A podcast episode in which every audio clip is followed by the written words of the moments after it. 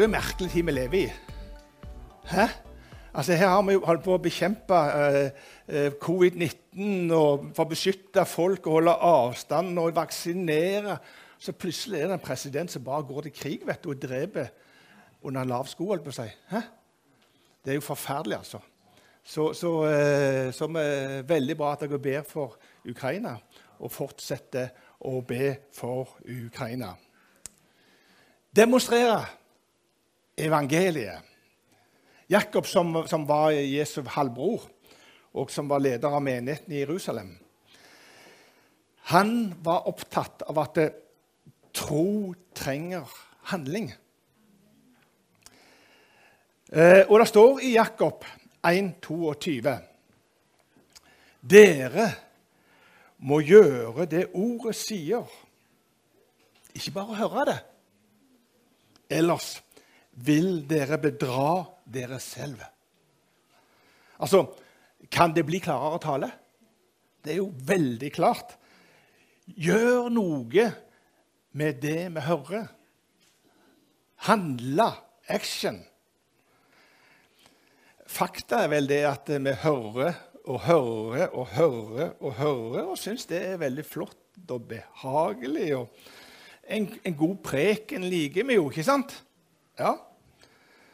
Og han bør helst være ikke for radikal eller for utfordrende. for Vi bør helst bli oppmuntra og kjenne at det gjør godt i sjelen vår. Så kan vi gå hjem og Ja, ja, det var en hyggelig, hyggelig formiddag med en god preken. Og så, så dagen sånn sett, og så spør vi kanskje kona kommer hjem altså, hva har du prekt om. Hva har han prekt om, predikanten? Nei, det husker jeg ikke. Hæ? Kjenner dere igjen? ja, ja. Um, det som er viktig Evangeliet skal jo praktiseres, demonstreres. Og det er viktig å forstå at evangeliet er ikke til innvortes bruk. Vi har fått en, eh, en anbefaling. Nei, vi har ikke fått en anbefaling. Vi har fått en befaling. Og det er fakta en misjonsbefaling. Og de som ennå ikke tror, de må få et synlig bevis for at evangeliet betyr noe for meg og deg. Ikke sant? De må se at det har blitt gjort noe med oss. At det betyr noe for oss. Og det vi snakker om det er jo ofte våre prioriteringer. ikke sant? For eksempel, bare ta det bildet her som kommer nå på skjermen. Så ser du Ikke sant?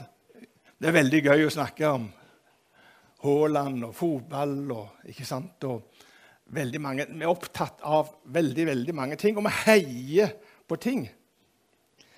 Og det er sånn at det, det vi snakker om, det vi er opptatt av, det prioriterer vi. Det gjør vi. ikke sant? Det er slik det virker i, i, i praksis. Og hvor er det naturlig å demonstrere evangeliet? Her på gudstjenesten. Ja, her er det lett å være frimodig. Ikke sant? Eh, og det kjenner vi alle sammen. ikke sant? Kristenlivet er jo mer enn en gudstjeneste på søndagen. Det handler om mandagen og uka hverdagen. Vår utfordring er på en måte å koble gudstjenesten til mandagen og de andre dagene i uka. Hvem er du mest i, i sammen med i løpet av ei uke? Er det kristne? Nei, jeg tror ikke det. Det er klart Vi som pensjonister og, og kanskje som, som har begrensa si, områder hvor vi farter på, kan hende at det er kristne som er det. Men i aller fleste så er nedslagsfeltet og kontaktflaten eh, de som ikke kjenner Jesus. Og skal de bli kjent med Jesus, så må vi bli bevisst hvordan vi er i forhold til de menneskene som omgås med. Enten det er på arbeidsplass, på skole eller i nabolaget. Skal vi ha vekst, skal folk bli frelst, så må vi være der folk er. Vi må ta et større ansvar for, for nærmiljøet og for det samfunnet generelt sett. De må se evangeliet demonstrert i praksis gjennom meg og deg. Historien eh, for oss kristne forteller vel at eh, vi har vært mer opptatt av det som skjer på bedehuset, enn det som er utenfor. I alle fall i min generasjon vil jeg påstå det har vært tilfellet. For oss var alt utenfor bedehuset veldig farlig. Det er farlig, farlig, det. Du må ikke gjøre det, du må ikke gjøre det. Pass deg for det. Ja. Det kan hende at vi lever i ei kristen boble.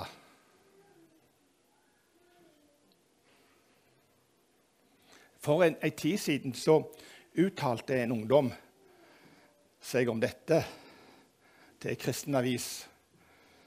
Han ønsker på en måte å vinne andre for Jesus og hadde klare meninger om hvordan dette skulle gjøres. Og jeg siterer hva han sa. Jeg har prøvd hardt å ikke være i kristenbobla. Jeg har flest nære ikke-kristne venner og har selv verken gått på kristen internatskole eller bibelskole. Det er behagelig å holde seg, med, holde seg med dem som er enige med en sjøl. Men det er viktig for min tro og modning å forstå folk som ikke tenker og tror som meg. Vi klarer ikke å forstå andre mennesker uten å kjenne dem. Å drive misjonsarbeid uten å kjenne folk går ikke an, sier han. Vi klarer ikke å forstå andre mennesker uten å kjenne dem. Og vi klarer ikke å drive misjonsarbeid uten at vi kjenner folk. Hm. De som ennå ikke tror, de må bli kjent med oss, og vi må bli kjent med de. Jeg vet ikke om noen eh, så Farmen. Jeg regner med at det er kanskje et par stykker her som sitter. Uh, og Jeg syns det var interessant å se Vebjørn, som da er redaktør i Dagen, hvor han, han sier at, at når de ble kjent med hverandre, så fikk de en helt annen respekt for hverandre. Og du så de som var helt annerledes enn han og trodde og gjorde ting annerledes, sa det samme når de ble kjent med han. Så fikk de en helt annen opplevelse og forståelse av han. Og Det syns jeg er interessant. For det handler på en måte at Folk må bli kjent med oss. Kjent hva vi står for. Kommunisere med de som ennå ikke tror. Skal vi på en måte ta et større samfunnsansvar, så må vi ikke bli oss sjøl nok. Hva betyr det? Jo, jeg tror at meg og deg og vi kristne kan påvirke samfunnsutviklingen mye mer enn det som vi har gjort. Vi må bare kjenne det at vi har vært opptatt av å ha gode gudstjenester og ha gode aktiviteter i menigheten. Men hvordan kan vi påvirke de utenfor? Hvordan kan vi kontakt med de som ennå ikke tror? Jeg tror det er en tid hvor vi skal kunne bli mye mer synlige som kristne. Når jeg var barn, så sang vi 'Våg å stå som Daniel'. Jeg vet ikke om den synges nå. ikke sant? 'Sett deg for et hellig mål, åpen det bekjent' osv. osv. Ikke sant? Og så kommer koret, da. 'Våg å stå som Daniel'. Hæ? Daniel var rakrygga sammen med kamerater midt i ei tid hvor kulturen var annerledes. Kongen ville lære dem han ville hjernevaske dem. De skulle få en ny kultur og en ny religion. Daniel og vennene ville ikke gjøre seg urøn ved å spise maten og vinen fra kongens bord. leser vi. Dessuten nekta han å tilbe kong Nebukaneser og nekta å falle ned for statuen av gull av ham. De hadde noe på innsida Kongen ble rasende, og det fikk konsekvenser for Daniel og vennene. De ble kasta i ovn med flammende ild. men ilden skada de ikke. De lot seg ikke pille på nesen av en konge. Nei, de var ikke villige for å bøye seg for den kulturen som var i landet. Jeg tror det er viktig òg i vår tid å tenke gjennom. Så leser vi om Ester, som levde ei tid uten Gud. Gud var glemt av folket. De gjorde det de ville. Ikke ukjent for oss i dag. Nei. Ester var en foreldres flyktning i et fremmed land, men endte opp å bli dronning i det mektige persiske riket. Hun gjorde en forskjell, ikke bare for seg sjøl, men for et helt folk. Hun reddet sitt folk, jødene, for utryddelse. Ester var utrolig modig. Hun sto for sin tro, sjøl om det kosta i en tid hvor folket ikke forholdt seg til Gud. Hun var med å forandre historien. Vi har så lett for å bli fortvilt over det som skjer i samfunnet. Vi blir tause og frustrerte og tenker Oi, oi, oi. Går det an? Vi kan ikke la kulturen i samfunnet definere oss eller styre oss. Vi må erkjenne vi er annerledes. Vi har noe på innsida som Daniel og vennene og Ruth. Våg å stå som Daniel midt i den tida som vi lever i. Vi har ingenting å være redd for. Vi har ingenting å skjule. Vi bør ikke skamme oss. Vi står for noe. Et spørsmål som jeg vil stille dere. Hva slags innvirkning og innflytelse har dere som menighet i lokalmiljøet her på Nærbø? Jeg tror det er viktig å stille oss det spørsmålet. Eller for å stille et annet spørsmål, eller stille det på en annen måte Hvis menigheten blir nedlagt, ville lokalmiljøet oppleve det som et tap på en eller annen måte. Jeg tror det er viktig å reflektere nettopp over slike spørsmål. Skal vi bli mer synlige som kristne, så medfører at vi må ta et større ansvar. Vi må være mer bevisste, bl.a. hvordan vi er på arbeidsplassen. At det ikke bare er en plass å tjene penger, men det er også på en måte å formidle evangeliet på en naturlig måte. Da må vi tenke hvordan vi er i forhold til hva vi sier, og hva vi snakker om med kollegaer, med venner, naboer osv. osv. Snakk alltid positivt. Si gode ord. Og Det står i ordspråket 8.21 Tungen har makt over død og liv. Og i ordspråkene 11.25 Den som sprer velsignelse, trives godt. Den som kvikker opp andre, blir oppkvikket sjøl. Er det ikke fantastisk? Hæ? Velsign, snakk positivt. Og Jeg tror vi blir mye hyggeligere å være sammen med òg da. Ikke sant? Og det er som en bumerang. Det kommer tilbake til oss. Ikke sant? Velsigne, spre lys. Og Det står òg i, i Lukas 10,5. Men når dere kommer inn i et hus, skal dere si, fred være med dette hjem. Det er et godt utgangspunkt å få kontakt med folk.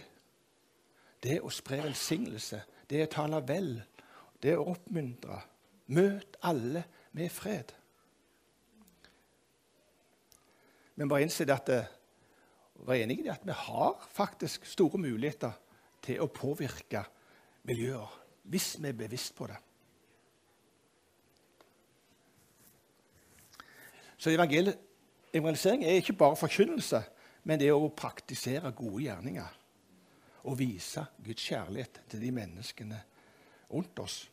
Gud ønsker ikke bare å virke i oss, og at vi skal få åndelige opplevelser. Nei, han ønsker ikke bare at vi skal velsigne og gi oss gode nådegaver. Nei, han vil også virke igjennom oss og bruke det han har gitt oss, og det han har gjort med oss. Det er noen som har greit å få påvirkning i dette samfunnet. Jeg vet ikke om du har merka det. Utrolig nok, altså. Og vi har mye å lære av homobevegelsen, eller LHBT-bevegelsen, som det heter. De skjuler seg ikke i et hus, altså. Men har utrolig fremodige til å fortelle hvem de er, og hva de står for. De bruker enhver mulighet. De blir til og med hørt og får utrolig gjennomslag i samfunnet. Og de er ikke så mange. De er langt mindre enn oss kristne. Allikevel så får de sånn, et sånt et gjennomslag. Hadde vi hatt noe av det samme engasjementet, så er jeg overbevist om at eh, vi hadde fått et helt annet gjennomslag i samfunnet. Og vi har jo noe langt viktigere å formidle. Så vi burde jo bli enda mer frimodige og tørre å stå for det vi står for. Når jeg tenker på dette temaet, her, så, så er det noen personer som kommer til meg. Eh, og, og det sier noe om hvor viktig og hvor mye betydning en person kan ha i samfunnet. Tenk bare på Ludvig Carlsen. Altså, Mennesker blir frelst og forvandla, og han har fått en enorm, han fikk en enorm respekt i alle miljøer. Selv om han hadde radikal forkynnelse. Det er til og med bilde av ham på et fly på haleordet. Til og med fikk statsbegravelse. Utrolig, altså. Hvis ikke Ludvig Carlsen og Lisa hadde møtt Jesus, så hadde det ikke vært noe evangeliesenter. Når, Jesus, når, mennesker møter Jesus, så skjer det noe i oss. Og jeg tenker også, Det er interessant å se tilbake på det som skjedde i Stockholm i begynnelsen av 1900-tallet. Stockholm var da preget av mye fattigdom. og, og Menigheten Fidelfia og Levi Petrus begynte med bespisning og matutdeling for hundrevis av fattige og arbeidsløse. I 1915 så var menigheten på ca. 700 medlemmer. Og 600 var kvinner. Og mye av fremgangen skyldes faktisk kvinnene. Og Levi Petrus ble kalt for den største lederen av kvinnebevegelsen i Sverige. Så, så, men i 1940 så var det over 6000 medlemmer. Hemmeligheten, sies det, til framgangen var at den enkelte førte sine arbeidskamerater og venner til tro. Vi vet at Paul, nei, Petrus var jo leder av pinsebevegelsen i Sverige. og Han starta mange institusjoner, aviser, skoler, forlag, politisk parti til meg. Han gjorde veldig mye. Han tok et ansvar som fikk en enorm innflytelse i samfunnet. Det viser hvor viktig en person kan, kan bety i samfunnet, og hva slags påvirkningskraft en kan få. Frelsesarmeen er jo litt respektert for det sosiale arbeidet eh, og kjent for de som gjør så mye godt. Frelsesarmeen starta også som en vekkelsebevegelse med sterkt ønske om at folk skulle bli frelst. Mitt tankekors i dag Hvorfor blir ikke folk frelst? Hvorfor vokser ikke menighetene og korpsene til Frelsesarmeen? Jeg tror jeg er inne på en kjerne. Og dette gjelder ikke bare Frelsesarmeen. Dette spørsmålet må vi stille oss til alle kristne og alle kirkesamfunn, inklusiv oss som pinsevenner. Godheten og samfunnsansvar, tror jeg, må gå lenger enn bare godhet. Det må òg være klar frelsesforkynnelse. Det må være noe mer som ligger der. Da tror jeg noe skjer. Da tror jeg at mennesker blir frelst. De må få noe mer enn bare godhet. Og der har evangelsenteret lykkes, kan vi si. Skal det, det bli vekst,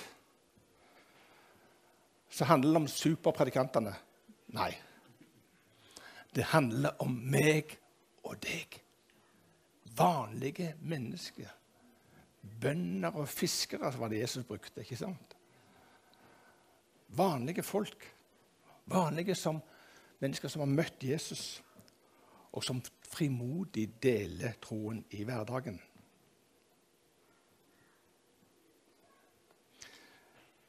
Vi skal involvere oss i nærmiljøet. Vi skal ikke bare sitte på bedehuset og synge 'Hvor fredfullt og tyst det her inne', og høre hvor det stormer der ute. Ikke sant? Vi må, vi skal være ute i hverdagen og involvere oss i samfunnet. Jeg syns det er interessant å, å, å lese i apostelgjerningene om Philip og hoffmannen. Philip hadde vært i eh, Samaria og fått beskjed om å dra til Gaza. Der treffer han en eh, etiopisk hoffmann, en finansminister, som leser i Jesaja 53. Han hadde vært i Jerusalem og var på vei hjem til Etiopia. Så spør Philip forstår du det du leser. Det gjorde han ikke. I apostelgjerningene 8.31 står det Forstår du det du leser? Hvordan skal jeg kunne forstå det, sa han, når ingen forklarer det for meg? Så ba han Philip komme opp i vognen og satte seg ved siden av ham. Kort fortalt han ble frelst og døpt. Hoffmannen, finansministeren, dro tilbake til Etiopia, og der startet en, en vekkelse. Hoffmann han forsto ikke det han leste. Men vet du hva? Philip var nær vognen, står der. En engel sendte han, vet vi. Vi kan bli ledet av Den hellige ånd. Hva hadde skjedd hvis ikke Philip ville gå? Det var engelsk det til han. Hva hadde skjedd hvis han ikke var der? Hva hadde skjedd hvis ingen kunne forklare han det han leste? Hva skjer hvis ingen Hvis de som ennå ikke tror, forstår evangeliet? Hvis ikke vi er til stede der de er, og kan fortelle sannheten og evangeliet. Skal det være både prinsessa og sjaman Durek som skal fortelle dem? Hæ? Eller skal det være politikerne NRK og TV 2 eller VGTV som skal definere hva vi tror på?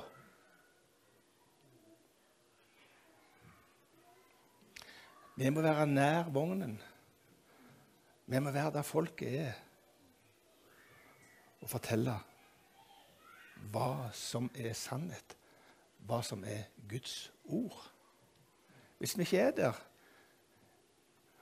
Og da kan vi alle sammen være åpne for Den hellige ånd og lytte, at Han sender oss.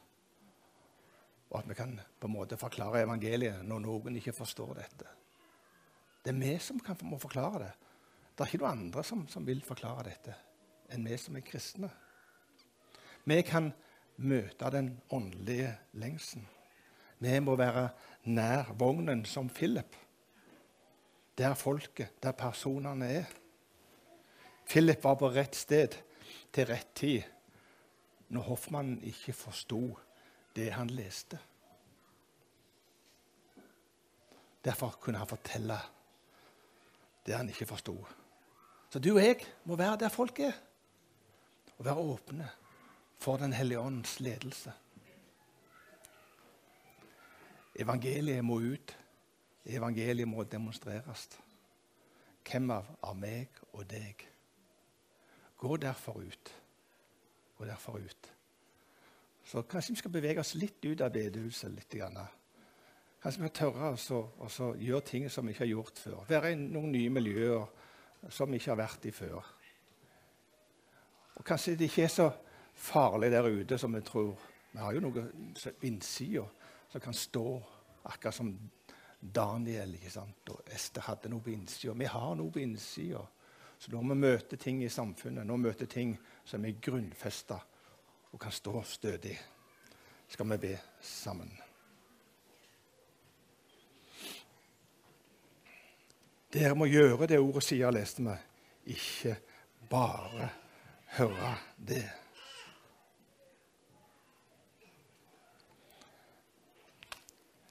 Kanskje du tenkte at ok, nå skal jeg tørre å utfordre meg sjøl.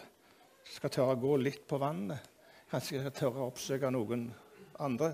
Kanskje jeg skal mer lytte til Den hellige ånd, slik at jeg kan formidle evangeliet. Hvis du er her nå i dag som tenker sånn, så skal vi be spesielt for deg nå på, på slutten.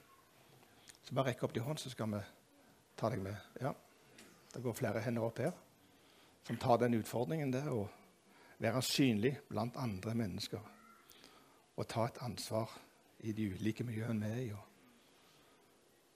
Takk, himmelske Far, at du ser hver enkelt av oss her.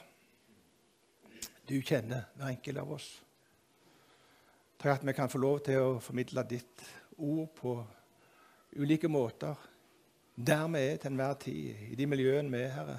Takk at du gir oss visdom og kreativitet. Og takk at vi kan få lov til å lytte til deg, Hellige Ånd, når du taler, slik at vi kan gå ut og gjøre det rette, ha de rette ordene i rette tid.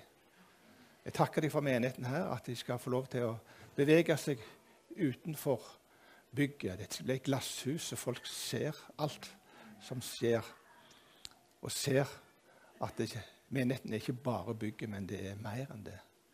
Jeg bare takker deg, Herre, for at det, du lar det skje, og takker deg for alle som rakk opp sine hender her, som vil ta en ny utfordring. I Jesu navn. La det skje. Amen.